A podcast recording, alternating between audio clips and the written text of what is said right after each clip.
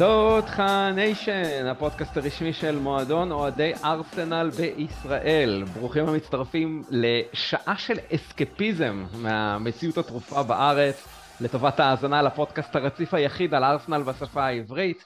אנחנו בפרק מספר 65, וזה בעצם הפרק החמישה עשר ברציפות שאנחנו דוהרים לאליפות, וממש לפני היציאה לפגרת משחקי הנבחרות הבינלאומיות, כשנותרו עשרה מחזורים בלבד לסיום העונה, פותחים מקדם ביטחון של שמונה נקודות ומשחק עודף על פני מנצ'סטר סיטי. ונשאלת השאלה אם מדובר במקדם ביטחון שבאמת אמור לגרום לנו להרגיש ביטחון לקראת הכניסה לישורת האחרונה של העונה, אז כדי למדוד את תחושת הביטחון, אני אומר שלום לשרי הביטחון, אלה שעדיין לא פוטרו, עמיתי להנחיה סנדן זולברג ודניאל ויינטרוב, מה שלומכם חברים? אהלן יורי, טוב לחזור, טוב לחזור. איזה כיף לחזור. כן, אנחנו עדיין בתפקיד, אנחנו עדיין לא פוטרנו, אנחנו עדיין בתפקיד, אנחנו שמחים לשרת, ונמשיך לעשות זאת כל עוד אה, תשמור אותנו פה. כן, כיף לחזור, וגם למי שדואג, נועם לא פוטר, נועם אה, חסר לנו, אבל אה, הוא נעלם. הוא איפשהו בהפגנות. לא נגיד לכם בעד או נגד, הוא איפשהו שמה. איפשהו שמה מסתובב. לגמרי. טוב, אז חברים, הערב אה, אנחנו נסכם את השבוע שעבר על ארסנל לפני היציאה לפגרת הנבחרות. אנחנו נדבר על ההדחה של הקבוצה מהליגה האירופית, כבר בשלב שמינית הגמר, בעקבות ההפסד הביתי בפנדלים במשחק הגומלין לספורטינג ליסבון. נדבר על הניצחון הביתי החשוב בליגה על קריסטל פאלאס. אה, ננסה קצת לחזות את התסריטים האפשריים לעשרת המחזורים האחרונים של העונה. ונתמקד בשני המשחקים הקרובים של ארסנל בבית מול לידס יונייטד ובחוץ נגד ליברפול. Uh, טוב, אז uh, אנחנו נפתח את הפרק הזה דווקא בנימה פחות נעימה, וזה כמובן קשור להדחה של הקבוצה מהליגה האירופית בשלב uh, שמינית הגמר, שלב מוקדם למדי, אחרי שהיא מפסידה בבית בפנדלים במשחק הגומלין לספורטינג ליסבון הפורטוגלית. ולפני שנדבר על המשמעויות של ההדחה הזו, בואו ננסה ככה לצלול ולהבין מה פחות עבד לנו במשחק הזה חברים, כי על פניו פתחנו בהרכב חזק למדי, וגם uh, היו לנו לא מעט כלים בספסל, אבל איכשהו הרגיש לי שככל שהמשחק הזה יתקדם, דברים פחות וח... ופחות יתחברו לנו. מסכים איתך יורי לגמרי, זה המשחק אה, מאוד מבולגן, היה פה הרכב ראשון עם, ביחד עם הרכב שני, מין מישמע של שחקנים, של תומי יאסו שעלה לשחק אחרי הרבה זמן שהוא לא שיחק, ויירה שלדעתי לא מתאים לרמות האלה עדיין, ז'ורג'יניו ביחד עם ז'קה, אה, ג'סוס שחזר אחרי פציעה, זאת אומרת, אני, אני בא בגישה כזאת, אם אתה רוצה לעלות, תעלה בהרכב הכי חזק שלך, כי אנחנו כבר בשמינית הגמר. אם אתה מוותר על המפעל הזה, אז אל תסכן לי את מרטינלי, את גבריאל, את סליבה, זיצ'נקו, כי אז נוצר מצב שאו שאתה, כי אתה בין לבין בעצם, אתה לא, אתה לא מנסה לעלות, ומצד שני אתה גם לא רוצה בוא נגיד להפסיד בכוח את המשחק. ואני מאוכזב, ואני חושב שזה קודם כל תואר שהיינו יכולים להשיג אותו, אנחנו, עם כל הכבוד יש לנו באליפות, במרוץ לאליפות, אני עדיין תמיד איכשהו אני אוהד ארסנל פסיבי. אני מפחד שנאבד את האליפות, אני אומר, יש לי פה תואר שאני יכול לקחת אותו, אנחנו בשמינית גמר, יש לנו הגרלה סבבה, ספורטינג ליסבון היא לא יריבה קשה, יכלנו לעלות לרבע גמר ומשם השמיים והגבול, ובעיקר לקבוצה כמו ארסנל שאין לה תואר אירופי, לא יודע, אכזב אותי מאוד שסוג של ויתרנו על המשחק הזה, ונראינו על הפנים, וגם עוד יותר גרוע שהיינו אחרי זה 120 דקות בהערכה. פנדלים בסדר, פנדלים זה מזל, זאת אומרת אני לא מאשים פה אף אחד, אבל הרגיש לי שאו שאתה מוותר עליו, על המשחק מראש ותעלה עם הרכב משני, או שאתה באמת מנסה לעלות ותעלה עם הרכב הכי חזק שלך. יצאתי מאוד מאוכזב במשחק הזה, נורא פחדתי שזה ישפיע גם על הליגה, אני שמח שזה לא ישפיע על הליגה, אבל כאילו מרגיש לי איזה תחושת אה, החמצה בנוגע לתואר הזה. אה, סנדר, גם אתה מרגיש אה, החמצה, ובכלל אם אתה אם אתה חושב שנעשה כאן צדק בסיכום שתי ההתמודדויות, ואכן הגיע לארסנל להיות מודחת, או שזה יותר גניבה של ספורטינג? אז אני אתחיל מהחלק הראשון, אני קודם כל חושב שדניאל פשוט הוציא לי את המילים מהפה. היה פה איזשהו מישמש שלא ברור לי בכלל, אה, כאילו הוא עלה עם רביעייה אחורית שהיא יחסית הרביעייה החזקה שלנו, כן? אז, אז מוציאים פעם את תומיאסו ופעם זה ווייד ופעם תומיאסו, אבל יחסית זה, זה הרביעייה האחורית החזקה שלנו. ואז באמצע זה איזשהו שילוב, וההתקפה היא איזשהו שילוב, ו...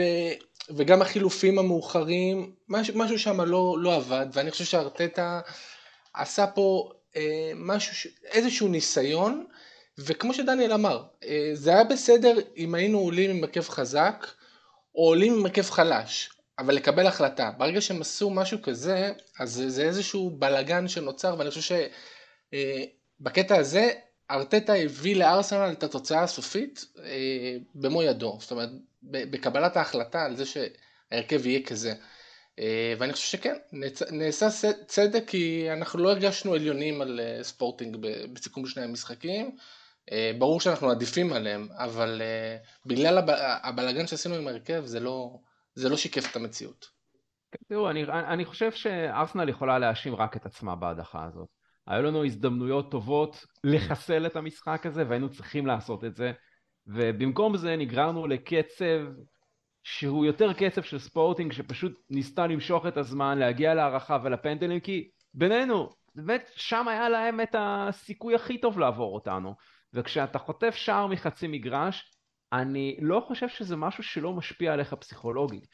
גם על השחקנים זה השפיע ואני הרגשתי שגם על הקהל, אני משוכנע שאצל רבים מהאוהדים ביציעים, וחייב לומר שגם אצלי, זה כאילו הציף את תחושת הדז'ה וו מגמר אה, גביע המחזיקות של 1995 אה, מול ריאל סרגוסה, עם השער האכזרי ההוא מחצי מגרש של נעים, וזה כאילו יצר אווירת בית קברות כזאת, בערך מהכניסה, עד הכניסה של מרטין אודגרד, אני הרגשתי שזה כאילו ממש אווירת נקעים כזאת, שממש לא יודע, היו חסרות אנרגיות באצטדיון, ורק כשאודגור נכנס, הוא באמת ניסה בכוח להעיר את הקהל שידחוף את הקבוצה, אבל אה, לצערי זה היה מעט מדי ומאוחר מדי, ובאמת ב, ברבע פלוס שעה שנשארו אה, לסיום המשחק, אה, זה, זה, זה לא הספיק לנו כדי באמת להביא את כל האנרגיות האלה ולתרגם אותם בסופו של דבר גם לאיזשהו שער מנצח. עוד שאלה שככה אני רוצה לשאול אתכם, בהתחשב בכך שלא מעט שחקני הרכב שיחקו ב, באמת ב, במשחקים מול ספורטינג, איך אתם מסבירים את הירידה הכל כך חדה ביכולת שלנו במשחקים באירופה לעומת ההצגות שהקבוצה נותנת בליגה המקומית? למה אנחנו לא מצליחים לשחזר את היכולת הזאת גם בימי חמישי? Uh, האם זו הגישה? האם זו המנטליות? אולי לא יודע, אה, בכלל, למה, למה לא הצלחנו לעמוד בציפיות שלנו העונה בזירה האירופית? אני חושב שזה קשור באמת, כמו שדיברנו על הרכב, אני חושב שבליגה האירופית ארטטה אוהב להיות הרפתקן, לעשות איזה הרכבים מוזרים כאלה של שחקנים שלא משחקים אחד עם השני, לעשות איזה הרכבים מאוד אה, משמשיים של כביכול לתת לשחקנים לנוח. בסופו של דבר זה לא עובד, אתה לא יכול לקחת קבוצה, חצי קבוצה שמשחקת, חצי קבוצה שלא, זאת אומרת, החצי הקבוצה הראשון שמפציץ בליגה ומלהיט את כל אירופה, ואז מגיע החצי השני שהוא, אין ספק שהוא פחות טוב מהחצי הראשון, ואז אתה מחבר ביניהם, יוצא לך איזה מצב שאתה בונה על, על הכישרון של אולי מרטינלי וג'סוס וסאקה, וככה איזה, כל מיני הזדמנויות שמגיעות במזל, וזה לא אמור להיות ככה, בגלל זה יש את הפער מאוד גדול, זאת אומרת, באף משחק באירופה לא באמת שיחקנו הרכב מלא כמו שצריך לשחק באירופה, אני באמת, אני לא מבין את הזלזול בליגה האירופית, אני חושב שזה תואר מאוד מכובד, כן, זה לא ליגת האלופות, אבל מי אנחנו, כאילו זכינו שבע פעמים בליגת האלופות שיכולים לזלזל בליגה האירופית. אני באמת לא מבין את הגישה הזאת. אני חושב שהליגה האירופית זה תואר מאוד מכובד, וקבוצות כמו צ'לסי זכו בו, וסביליה, וקבוצות גדולות אחרות, ואין לו פריבילגיה לוותר על זה, ובגלל זה אנחנו נראינו לא טוב. וחבל, כאילו חבל, כי זה תואר שיכולנו להבטיח אותו, כי שוב, אני, אני באמת אופטימי ואני מקווה מאוד שנזכה באליפות, אבל הכל יכול להיות. לנו פה הזדמנות לתואר, וחבל שלא עשינו את זה, ובגלל זה אנחנו גם uh, יוצאים מתחושת החמצה, כי אף פעם פעם לא שיחקנו, שמעתי, לא שיחקנו בהרכב הכי חזק שלנו במפעל הזה. לא, לא ראינו את זה פעם אחת. כן, ואתה יודע, דניאל, אתה הזכרת את ליגת האלופות, ובאמת צריך לזכור שבעונה הבאה אנחנו כבר נהיה בליגת האלופות. זה כבר לא בודה גלימפט ולא אפצה ציריך, זה כבר ביין מינכן, ברצלונה ופריס סן ג'רמן, אז אם אנחנו לא מצליחים לנצח קבוצות דרג ג' כמו ספורטינג ליסבון ופ.ס.וו איינדהובן, סנדר, אני שואל, מה יהיה מול הגדולות באמת? אני חושב שקודם כל, אה, מה יהיה מול הגדולות באמת, אני חושב ששנה הבאה זה יהיה כבר תסריט אחר. גם בגלל שזה ליגת האלופות, והשחקנים עולים עם איזשהו drive אחר, וגם אל תשכח שהליגה האירופית, גם אם היית, הנה, ספור, מה, ספורטינג ליסבון זה לא קבוצה של ליגת האלופות, זה קבוצה של ליגת האלופות, אבל יש משהו רדום ב, ב, במפעל הזה. משהו שהוא, אם תסתכל על זה גם בכל הארבע חמש שנים האחרונות שלנו בליגה האירופית שאנחנו נמצאים שם, גם מתקופת אמרי, משהו רדום, אני לא יודע להסביר מה זה, אבל זה תמיד מרגיש כאילו זה גביע הליגה, ורק בגמר זה, זה ככה, זה, יש איזשהו עניין. לא יודע, משהו שם לא, לא מוציא מהשחקנים את מה שליגת האלופות מוציאה. בסדר, אבל כאילו אנחנו, אני לא מבין את הגישה הזאת, ש... כאילו לא, לא ספציפית אה, גישה שלך, אבל להגיד רדום על מפעל, שהוא קודם כל המפעל השני בחשיבותו, עם קבוצות כמו מנצ'סטר יונייטד ומילאן וצ'לסי וסביליה, וקבוצות מהגדולות באירופה, כמו שאמרתי, גם ספורטינג ליסבון היא חברה קבועה בליגת האלופות, לקחת את זה כתירוץ, אני חושב שזה, זאת אומרת, אנחנו לא יכולים אה, בתור קבוצה כמו ארסנל לקחת את זה ולהגיד אה, זה טורניר לא מספיק סקסי בעיניי, אז אני פחות אשקיע בו. כי אין לנו את הפריבילגיה הזאת. אם עכשיו היינו ריאל מדריד, כמו שאמרתי, אני לא יודע כמה זכיות בליגת אלפות כבר יש להם, אז הייתי יכול להגיד כן, וואלה, זה לא כיף לנו, אבל בעיקר שאין לנו תארים אירופיים, ואני שנייה מוחק את כל הגביע המחזיקות או הגביע המצ'וקמק שיש לנו ב-94, אז זאת אומרת, אנחנו, אין לנו את הפריבילגיה להגיד את זה, אני באמת, זה לא גביע ליגה, אני חושב שזה תואר מכובד, נכון, זה פחות סקסי, מסכים איתך, אין את הליגת האלופות, אין את המנגינה שכולם גורמת לנו להתרגש, וכן, זה קבוצות מעצבנות, ובודה גלימט וכל מיני קבוצות עם שמות של תרופות, אבל בשלבים המאוחרים, זה קבוצות גדולות, ואני חושב שזה, זאת אומרת, אין לו את הפריבילגיה לזלזל, זו דעתי. אני מסכים איתך, אבל זה לא, זה לא שארסנל בוחרת לזלזל, אני אומר באופן כללי, אם אתה רואה משחקים של הליגה האירופית, זה יכול להיות כל קבוצה, גם במשחקים דרך אגב בין יונייטד לברצלונה, זה היה משחקים יחסית מנומנמים, זה משחק, זה, יש כנראה משהו במפעל הזה שעבור השחקנים האלה שמרוויחים סכומי עתק, לא כזה מושך אותם, כי הם יותר מרוכזים בליגה, אה, להגיע לליגת האלופות, אפילו בגביע המקומי, זה דברים הרבה יותר סקסיים מהליגה האירופית, זה לא יעזור, זה, זה, זה מבחן התוצאה, אתה רואה גם מה, כאילו, מה, איך הקבוצות אה, משקיעות במפעלים האלה, ו, והנה עוד עובדה, כן? אתה חושב שבליגת האלופות היית מעז לעלות עם טרנר בשער? עזוב שבמשחק האחרון עלינו עם רמסדל, כאילו בצמד המשחקים האלה עלינו עם רמסדל. אה, לא, לא, מסכים איתך, חד משמעית, לא, למרות שגם, אני זוכר בשלב הבתים, שהיינו בליגת האלופות, היו לנו משחקים שאלמוניה לא היה עולה ודברים בסגנון, מסכים איתך כן, אבל אולי מול קבוצות, כן, אבל אולי מול קבוצות בדרג ג' נגיד, אה, ד', סליחה, אה, או ג', ג' ומטה, נגיד ג' בבית. אחרי שהבטחת עלייה. כן. כן. אין לי ויכוח איתכם, גם אני, בואו נגיד ככה, ימי חמישי, לפעמים אני אומר לעצמי שיגמר כבר המשחק הזה כי אני סובל, כאילו אני רואה אותו כי אני אוהד ארסנל, ואני איכשהו, אני מחויב לראות את זה, אבל אני אומר לעצמי בלב שיגמר כבר הדבר הזה, אבל זאת אומרת שמגיעים לשלבים המאוחרים, זה כן מתחיל להיות סוג של, קודם כל אני עושה עסקות בתואר, אני לא אוהב להיות במפעל שאני לא זוכה בו, ואנחנו לא זוכים בו, וחבל, כאילו, אני חושב שיש לנו הזדמנויות לזכות בו. לגמרי. כן, טוב, אה, אה, רגע חברים, נקודה אחת קטנה, על ה, על, אני רוצה לדבר דווקא על הפנדלים, אם אפשר דקה. ברור. אני חושב שגם הפנדלים, אוקיי? נכון שאתה לא יכול להעריך, לא, להיערך לפנדלים כמו שצריך, וזה תמיד הרבה מזל, ואם היינו עולים אז כנראה שלא הייתי אומר את מה שאני הולך להגיד, אבל אני חושב שגם בפנדלים נעשתה איזושהי טעות, ואתם יודעים כמה פנדלים בעט מרטינלי בכל הקריירה שלו? חוץ, מה, חוץ מהפנדל הזה. אפס, ואני מהמר על אפס. לא. אני אומר שתיים. פנדל אחד. עכשיו, עכשיו, היינו קרובים. כן, היינו קרובים. עכשיו, כאילו, יש לך את ג'קה.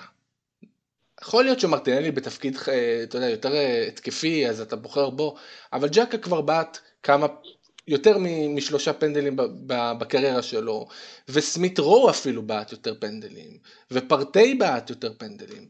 אני חושב שזאת הייתה איזושהי החלטה לא נכונה לשים את מרטינלי, ולא בגלל שהוא החמיץ, גם אם הוא היה מכניס, והייתי יודע את הנתון הזה, הייתי טוען שזה היה טעות לשים אותו כבועט, כי אין לו הרבה ניסיון, ו- ומה לעשות אם אתה רוצה לעלות לשלב הבא, ושחקן נתון תחת לחץ, היית צריך uh, לשים את השחקנים עם היותר ניסיון בקטע הזה. אפשר uh, בהחלט, uh, אפשר בהחלט להסכים עם הטענה שלך, סנדר, ועוד נקודה לגבי המשחק הזה, יותר נכון על ההשלכות של המשחק הזה, אנחנו יוצאים עם שני פצועים ממנו. וויליאם סליבה וטומיאסו, חומרת הפציעה של השני הסתברה כקשה מאוד והוא עבר ניתוח בברכו בעקבותיה וזה ניתוח שישבית אותו לכמה חודשים עכשיו ככה שהעונה הזאת, בעצם הסתיימה מבחינתו. נשארנו כעת רק עם בן ווייט בעמדת המגן הימני. אה, אנחנו יודעים שגם סדריק וגם מייטלנד ניילס כמובן מושאלים ולא זמינים לנו. אז לאור המצב הקיים אה, דניאל אופציות הגיבוי שלך לעמדה הזאת. אה, טוב אופציות הגיבוי זה או שאנחנו הולכים על ה... סוג של obvious, זאת אומרת שטירני יפתח בצד שמאל וזינצ'נקו בצד ימין, או שאנחנו אומרים לשחק עם שלושה בלמים, וסוג של אה, מוותרים על אה, מגנים ובעצם פותחים חמישה קשרים. אה, אני הייתי דווקא מעדיף את השלושה בלמים, כי אני חושב שיש לנו בלמים יותר טובים. זאת אומרת, אני לא יודע איך זינצ'נקו ישחק בצד השני, אני, חבל לי לאבד אותו בצד שמאל בשביל להעביר אותו ימינה, אבל אנחנו, אנחנו נקלעים לסיטואציה שלא רציתי להגיע אליה, שזה המכירה של סדריק, אז אני חושב שהתווכחתם איתי אז, אמרתי שלא אכפת לי להשאיר אותו בגורשים שישב לי על הספסל, ועכשיו אנחנו מגיעים למצב שאם חס וחלילה בן ווייט נפצע, אה, אנחנו בבעיה שאפילו לא יכול, לא יודע איך אנחנו יוצאים מזה, זאת אומרת, זה יכול להשפיע לנו על כל האליפות, ואני מאוד מאוד מקווה שכלום לא יקרה, אבל אני הייתי עובר שלושה בלמים, זאת אומרת, עם אה, ווייט, סליבה וגבריאל, וחמישה קשרים, כי אני חושב שדווקא קשרים יש לנו את האופציה, ו... אני שוב, אני לא רוצה לאבד את ג'צ'נקו בצד ימין. כן, בואו נקווה, בוא נקווה שלא נגיע למקומות האלה ונסתדר בכוחות הקיימים. אה, טוב, חברים, בואו נעבור לחלק היותר משמח של הפרק. ממש לפני היציאה לפגרת המשחקים הבינלאומיים, ארסנל מצליחה לרשום את ניצחון הליגה השישי שלה ברציפות, ולייצר את רצף הניצחונות הארוך ביותר שקבוצה כלשהי השיגה העונה. ארסנל פותחת פער של שמונה נקודות ומשחק עודף על פני האלופה מנצ'סטר סיטי אחרי שהיא מנצחת 4-1 בדרבי הלונדוני את קריסטל פאלאס המתפרקת וזו שנפרדה כמה ימים אה, לפני כן מהמנג'ר שלה פטריק וירה. למזלנו אפקט החלפת המנג'ר של היריבה לא בעוכרינו הפעם, ארסנל הציגה משחק שהוא המשכיות לתצוגות המשכנעות שהקבוצה נתנה בחודש האחרון, עם עוד ארבעה שערי, שערים נהדרים חברים. אה, דניאל, איך אה, אתה התרשמת מהתצוגה הזאת של אה, ארסנל? טוב, אני שמח שהתצוגה בליגה האירופית לא השפיעה עלינו, וחזרנו לראות כמו שאנחנו רגילים, כי שוב, כי חזרנו להרכב המלא שלנו, לאותם 11 שחקנים שמשחקים כל שבוע אחד עם השני, לאותם 11 שחקנים שמובילים את הליגה, ובגלל שאתה משחק עם אותו הרכב, שיודע לשחק אחד עם השני, ככה זה נראה, זאת אומרת, שלטנו לאורך כל המשחק, לא היה שום ספק בשום שלב שאנחנו הולכים לגמור את המשחק הזה בניצחון וניצחון גבוה. אני שמח שסאקה, אין, אין כבר מה להגיד עליו, ממשיך להוביל את, ה, את הקבוצה מבחינת שערים, אבל uh, גם שקה אומרת, אין לי שום uh, טענה להגיד על אף אחד מהשחקנים. וזה מה שקורה, שעולים ההרכב הכי חזק שלך, כי זה השחקנים שהובילו אותנו למקום הראשון. כן, אפרופו סאקה, אפרופו סאקה, דניאל, זה היה הבישול ה-25 של סאקה אה, בליגה, והוא עשה זאת בגיל 21 ו-195 ימים.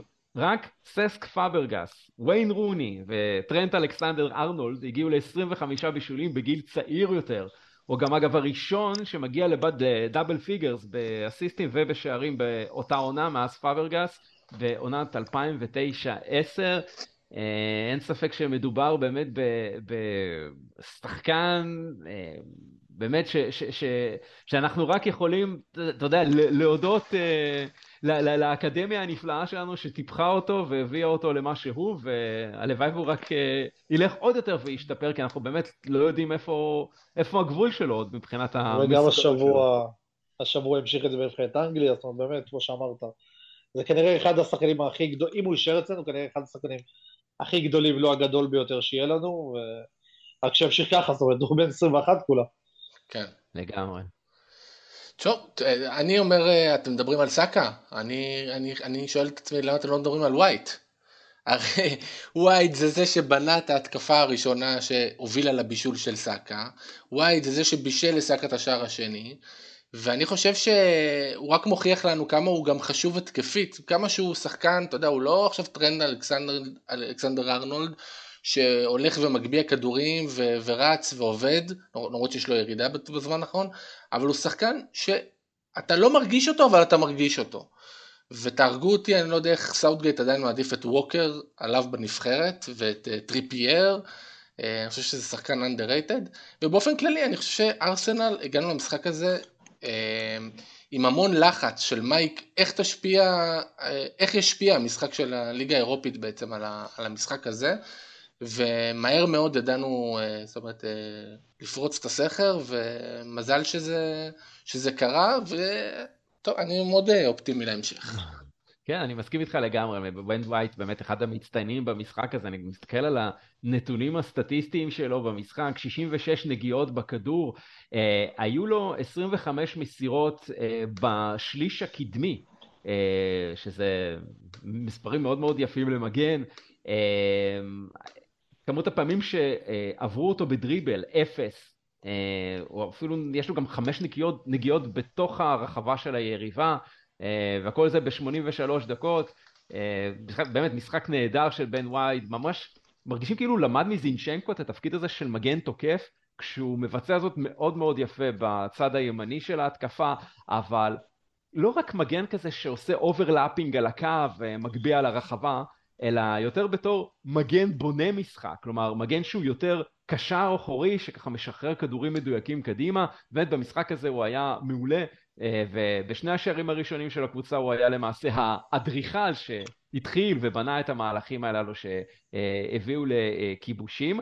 אה, במישור ההגנתי ראוי להזכיר גם את העבודה הטובה שעשה רוב הולדינג, כן אני יודע שזה שחקן שאתם לא אוהבים לתת לו קרדיט, אבל בהיעדרו של וויליאם סליבה גם המספרים של הולדינג היו מאוד uh, יפים, היו לו 11 דו-אלים שהוא מה שנקרא יצא עם ידו על העליונה, 91 אחוזי דיוק במסירות ואני רואה שם 100 אחוז דיוק במסירות ארוכות, בכדורים ארוכים, שזה בסך הכל נתונים באמת מאוד מאוד יפים וגם הוא זכה לשבחים מסאקה, הוא אמר ככה בסיום המשחק שהוא, שהוא ממש נתן לו חיבוק רחב אה, כי זה ממש אה, אה, הגיע לו, כי הוא באמת היה נהדר במשחק הזה, אז אין ספק ש... בוא נגיד ככה, הסתדרנו די יפה, בוא נגיד ככה, בכל מה שקשור לאיושים הפרסונליים בהגנה במשחק הזה, השאלה היא כמובן לגבי ההמשך והאם זה יספיק. כן, לגמרי. אז בוא נקווה שגם בהמשך נראה את זה, ובוא נקווה שבן ווייט תהיה כמה שיותר כשיר וכמה שיותר סאוטגייט לא ישתמש בו. אני כאילו מתפלל כל פגרה שאף מהשחקנים שלנו לא יזומן ולא ישחק, אז טוב מאוד שימשיך ככה בשיטה הזאת, וזהו. כן, אני מאושר מזה שהוא משחק, כאילו כמה שפחות יאמינו בו, אני מאושר. לגמרי. ועוד משהו ככה לגבי המשחק, אני חושב שאחד הדברים ששיחקו לידיים של ארסנל במשחק הזה, זה היה הקצב שלו.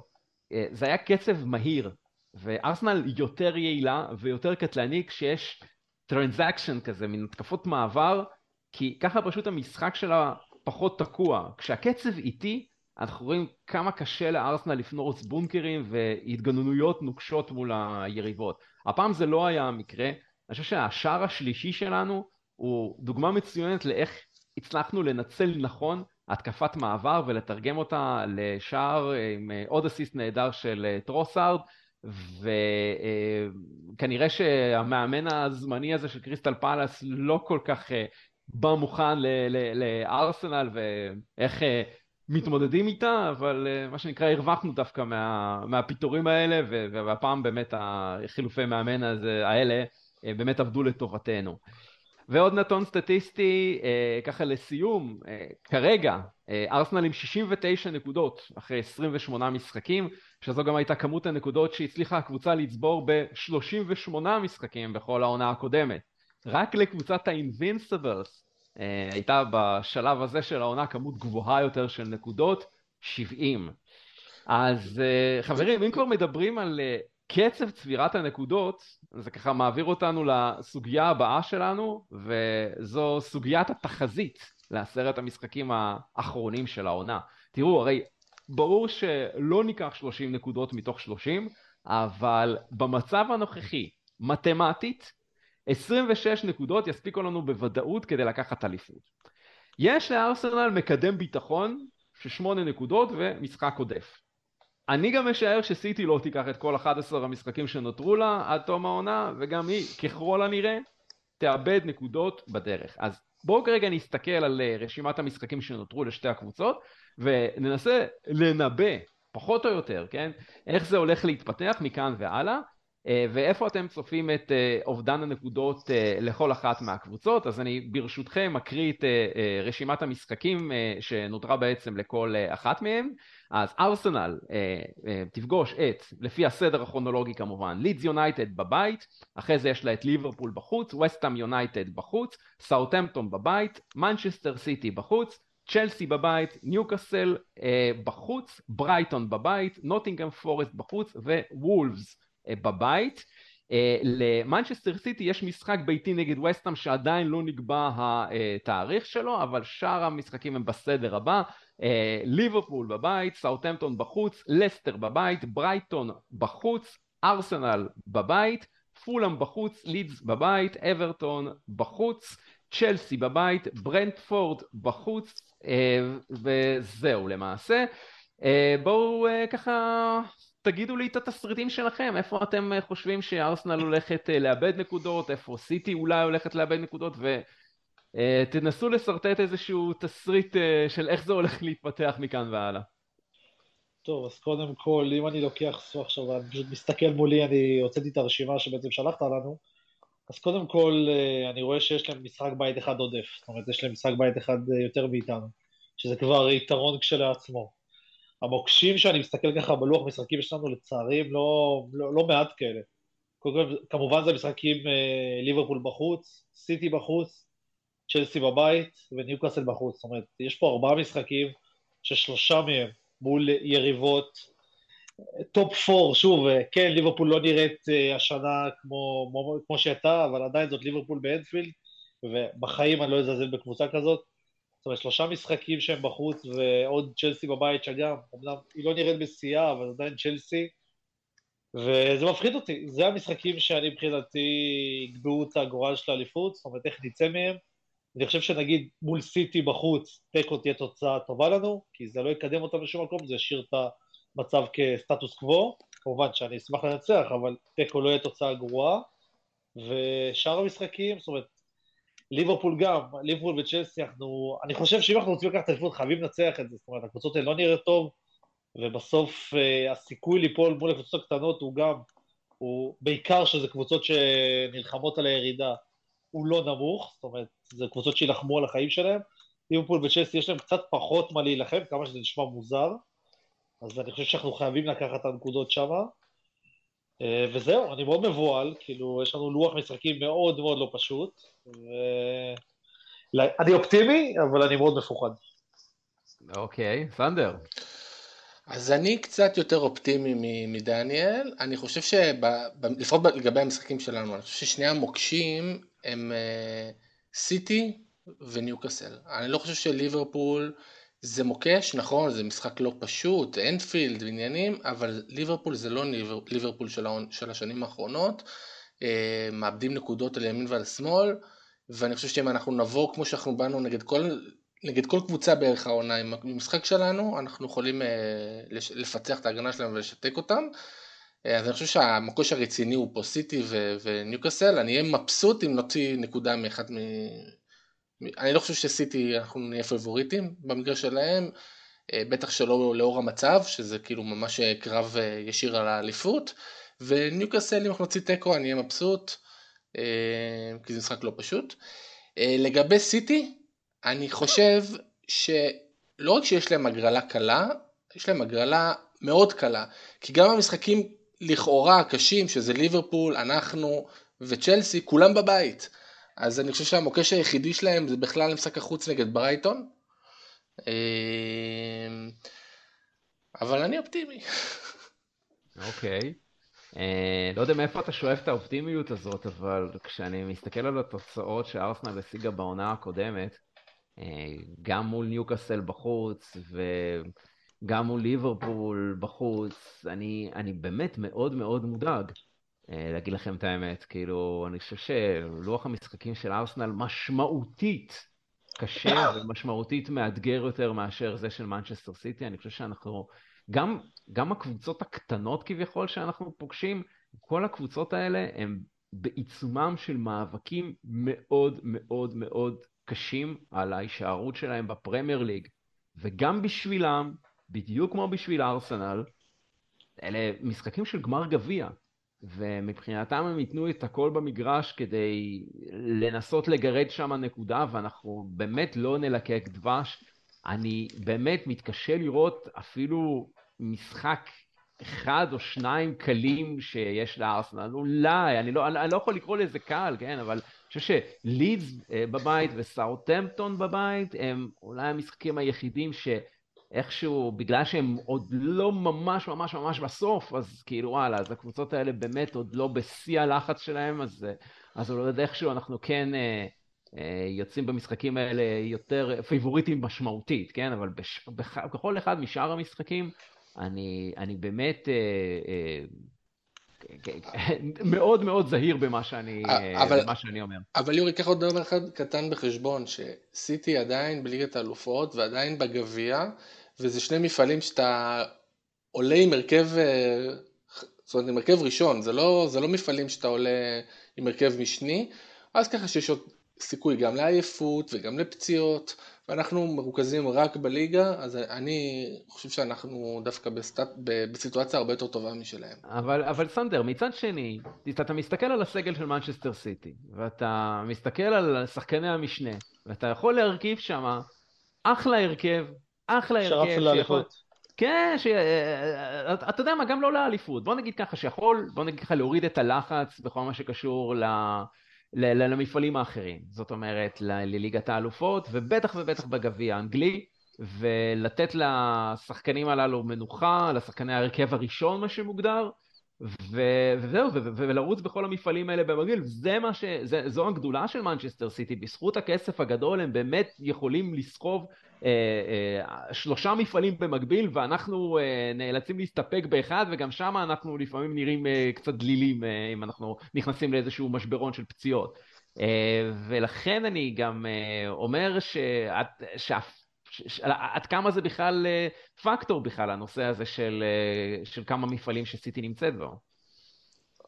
תשמע, טוב, אני, אני, אני מסכים עם סנדר, אני חושב שזה פקטור, כי אני חושב ש...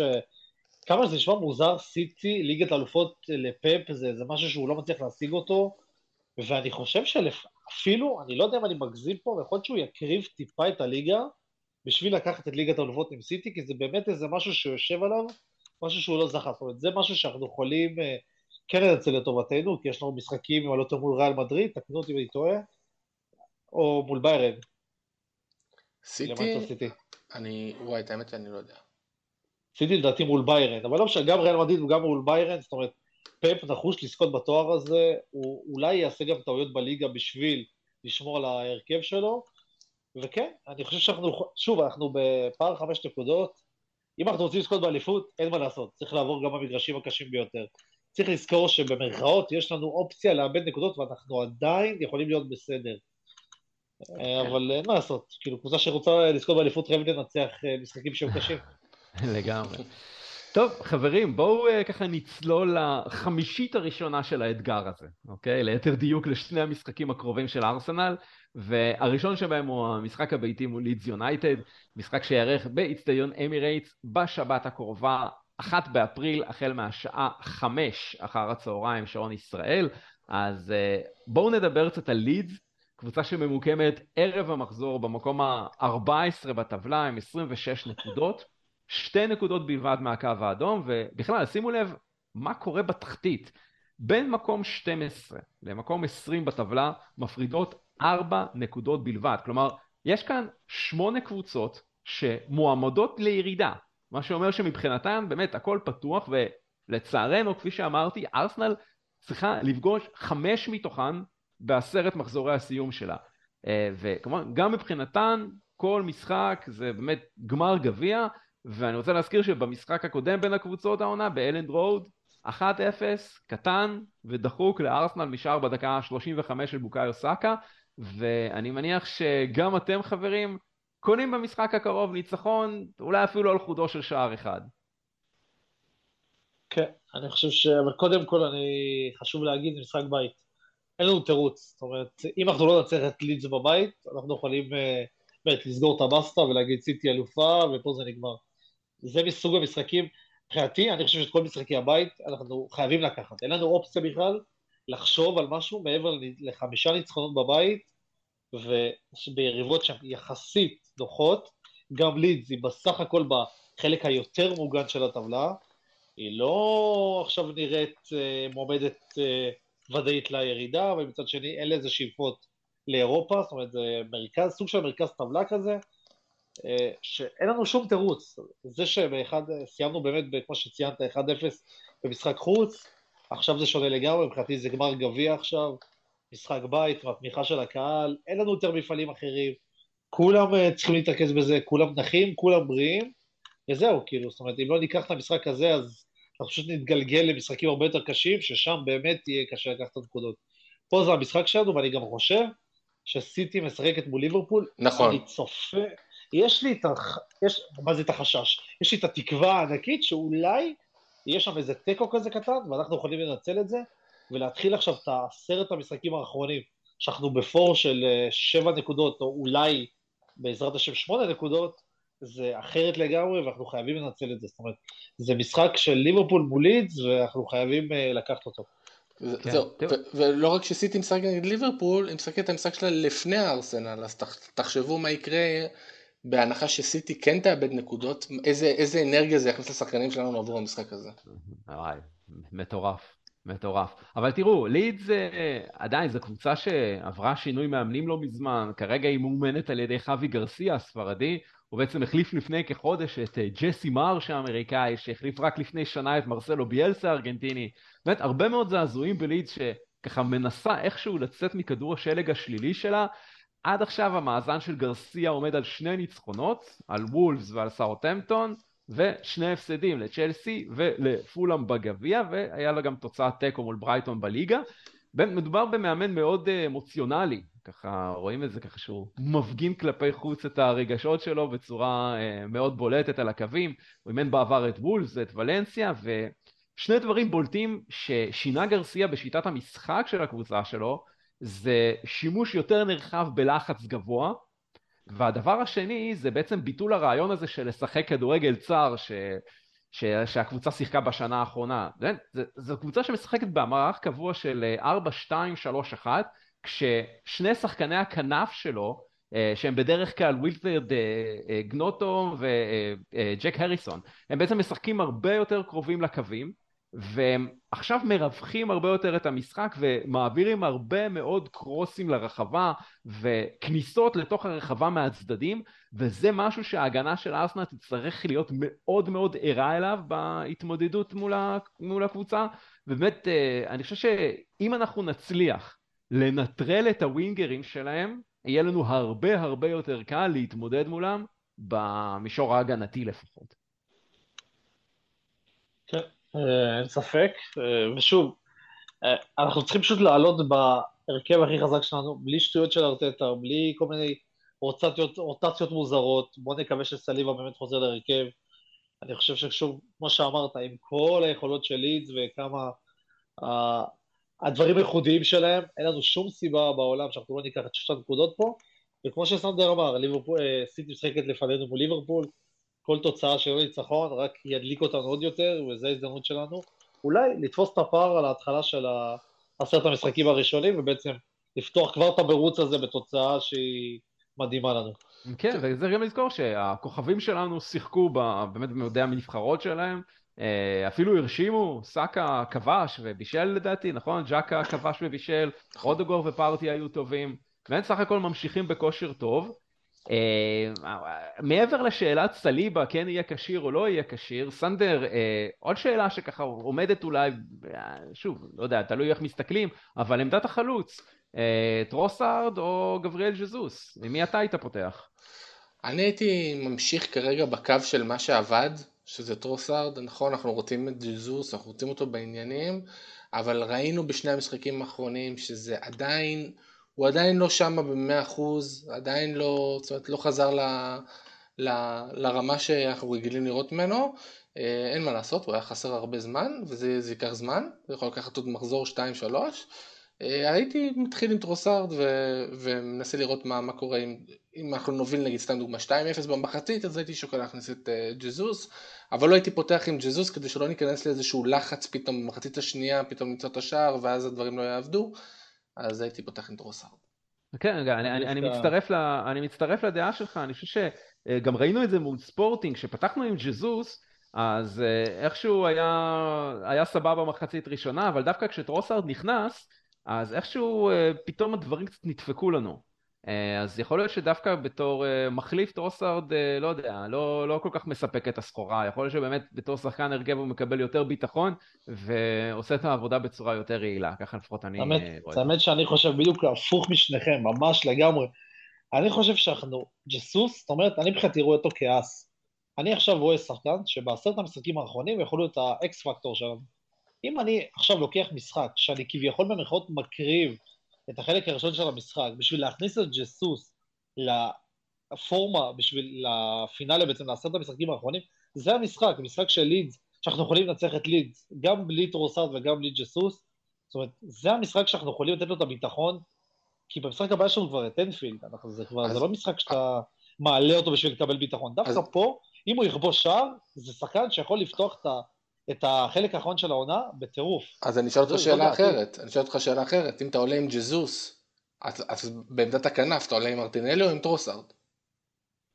לא, לא, אני, אני עולה עם אה, מרטינלי, עם ג'סוס וסאקה, בשביל לנסות להכניס את ג'סוס לעמדת החלוץ, כי בסוף, תשמעו, אני, לכולנו ברור שג'סוס על פניו בשיאו יותר טוב מטרוסארד, זאת אומרת, כמה שבאמת אני אוהב את טרוסארד, הוא שחקן מעולה, אנחנו רוצים את, אה, אותו בשיאו.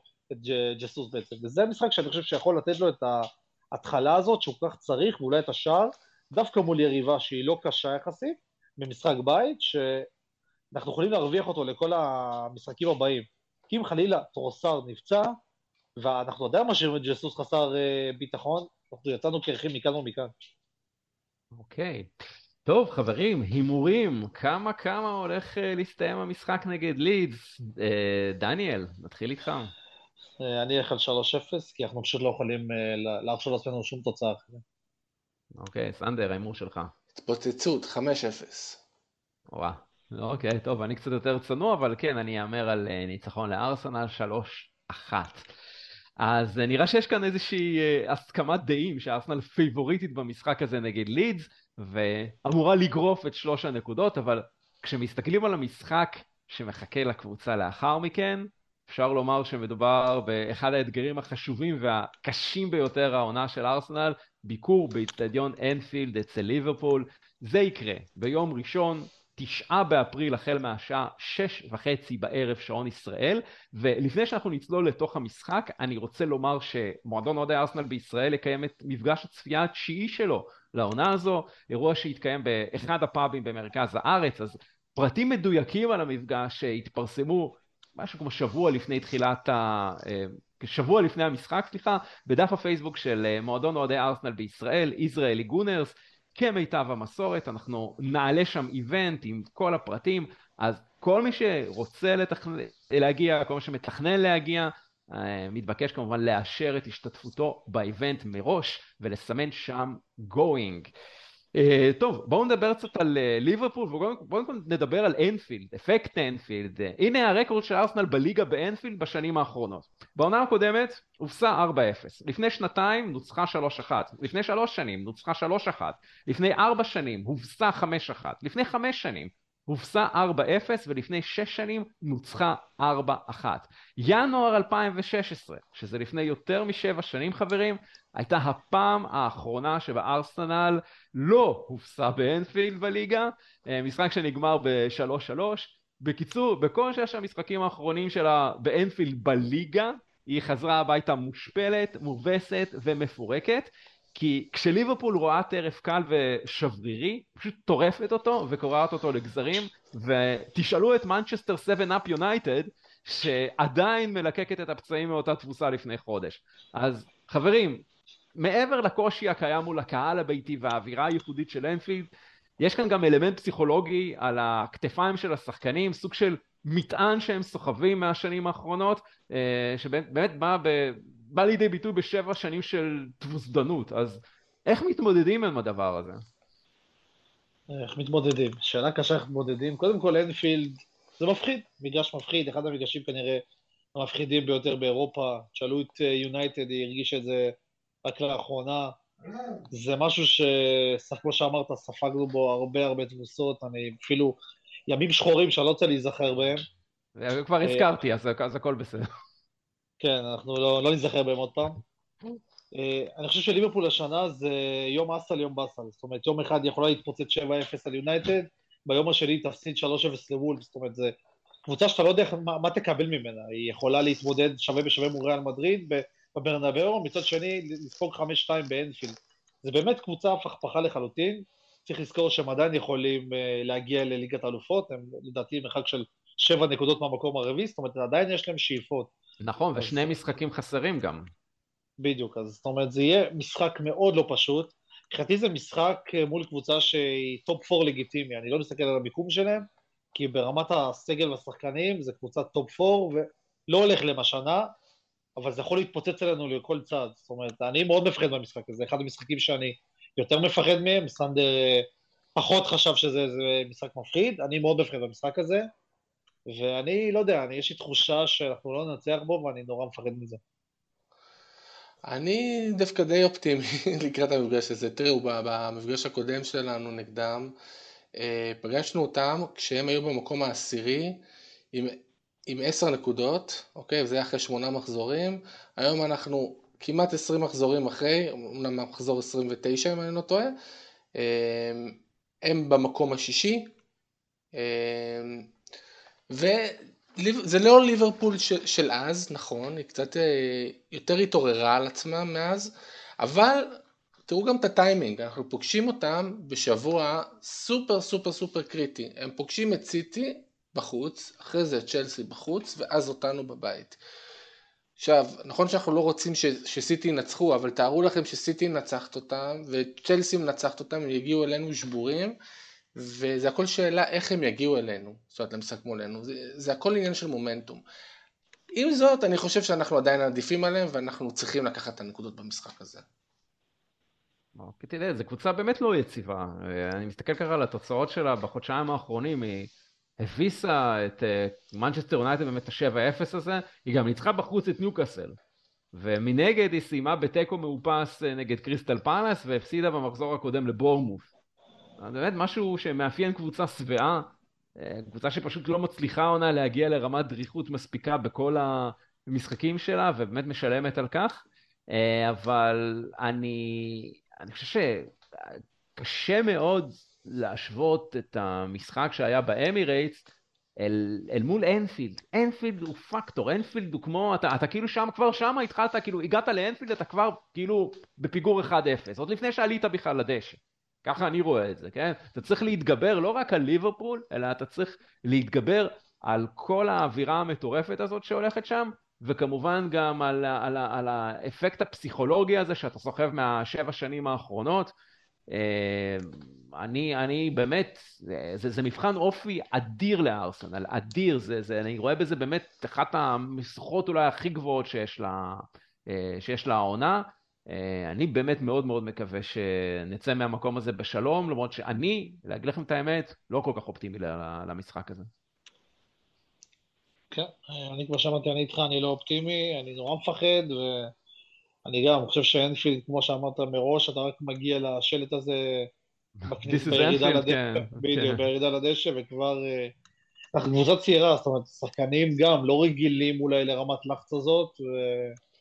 תשמעו, אה, אני אופטימי, בואו נקווה שנוציא משם תיקו ומעלה וסיטי ההפך, אבל אה, אנחנו לא יודעים איך נקבל אותם, אנחנו יכולים אה, לדרוס אותם 5-0, או מצב שאנחנו גם יכולים לקבל 5-0, אני באמת לא יודע איפה המשחק הזה ילך. כן, טוב, תראו, בואו בוא נקווה, בוא נקווה שהפציעות ישפיעו עליהם, כן? כי אני מסתכל כרגע על מצבת הפצועים שלהם, דרווין נוניז, לואס דיאז וטיאגו, כן? כל אלה פצועים נכון לעכשיו. וג'ורדן אנדרסון וגומז. אז עוד יותר ככה זה באמת מעמיק להם את, ה...